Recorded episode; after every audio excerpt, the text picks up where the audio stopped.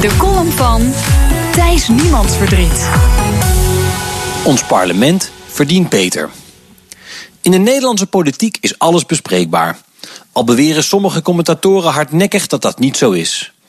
Er is maar één taboe: de onderbezetting van ons parlement. Een Nederlands Kamerlid heeft gemiddeld anderhalve medewerker. Daarmee moet hij of zij alles doen: debatten voorbereiden, op werkbezoek, stukken lezen, de media te woord staan. Dat is amper te doen.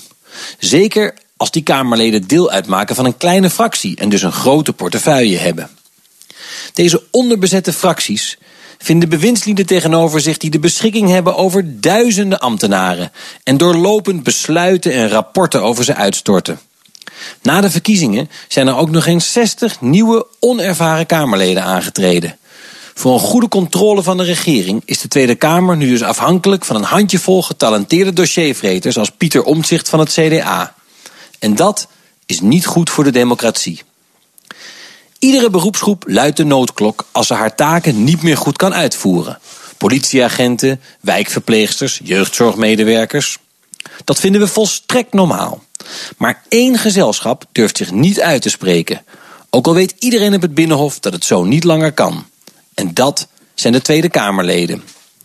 In de wandelgangen geven Kamerleden toe. Ja, we hebben wel meer ondersteuning nodig. We staan vaak machteloos tegenover bewindslieden. Maar als je ze vraagt, zou je dat een keertje hardop willen zeggen in de krant? Dan schrikken ze zich een hoedje.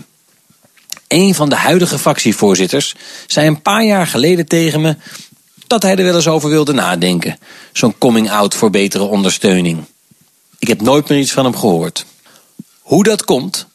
Angst voor het populisme. Sinds 2002 geldt: als je als politicus om meer geld vraagt of meer personeel, dan ben je een zakkenvuller en een profiteur. Je krijgt meteen PVV'ers, SP'ers en de boze burger in je nek. Niet gek dus dat Kamerleden liever hun mond houden. Ze krijgen al genoeg kritiek. En dat is zonde.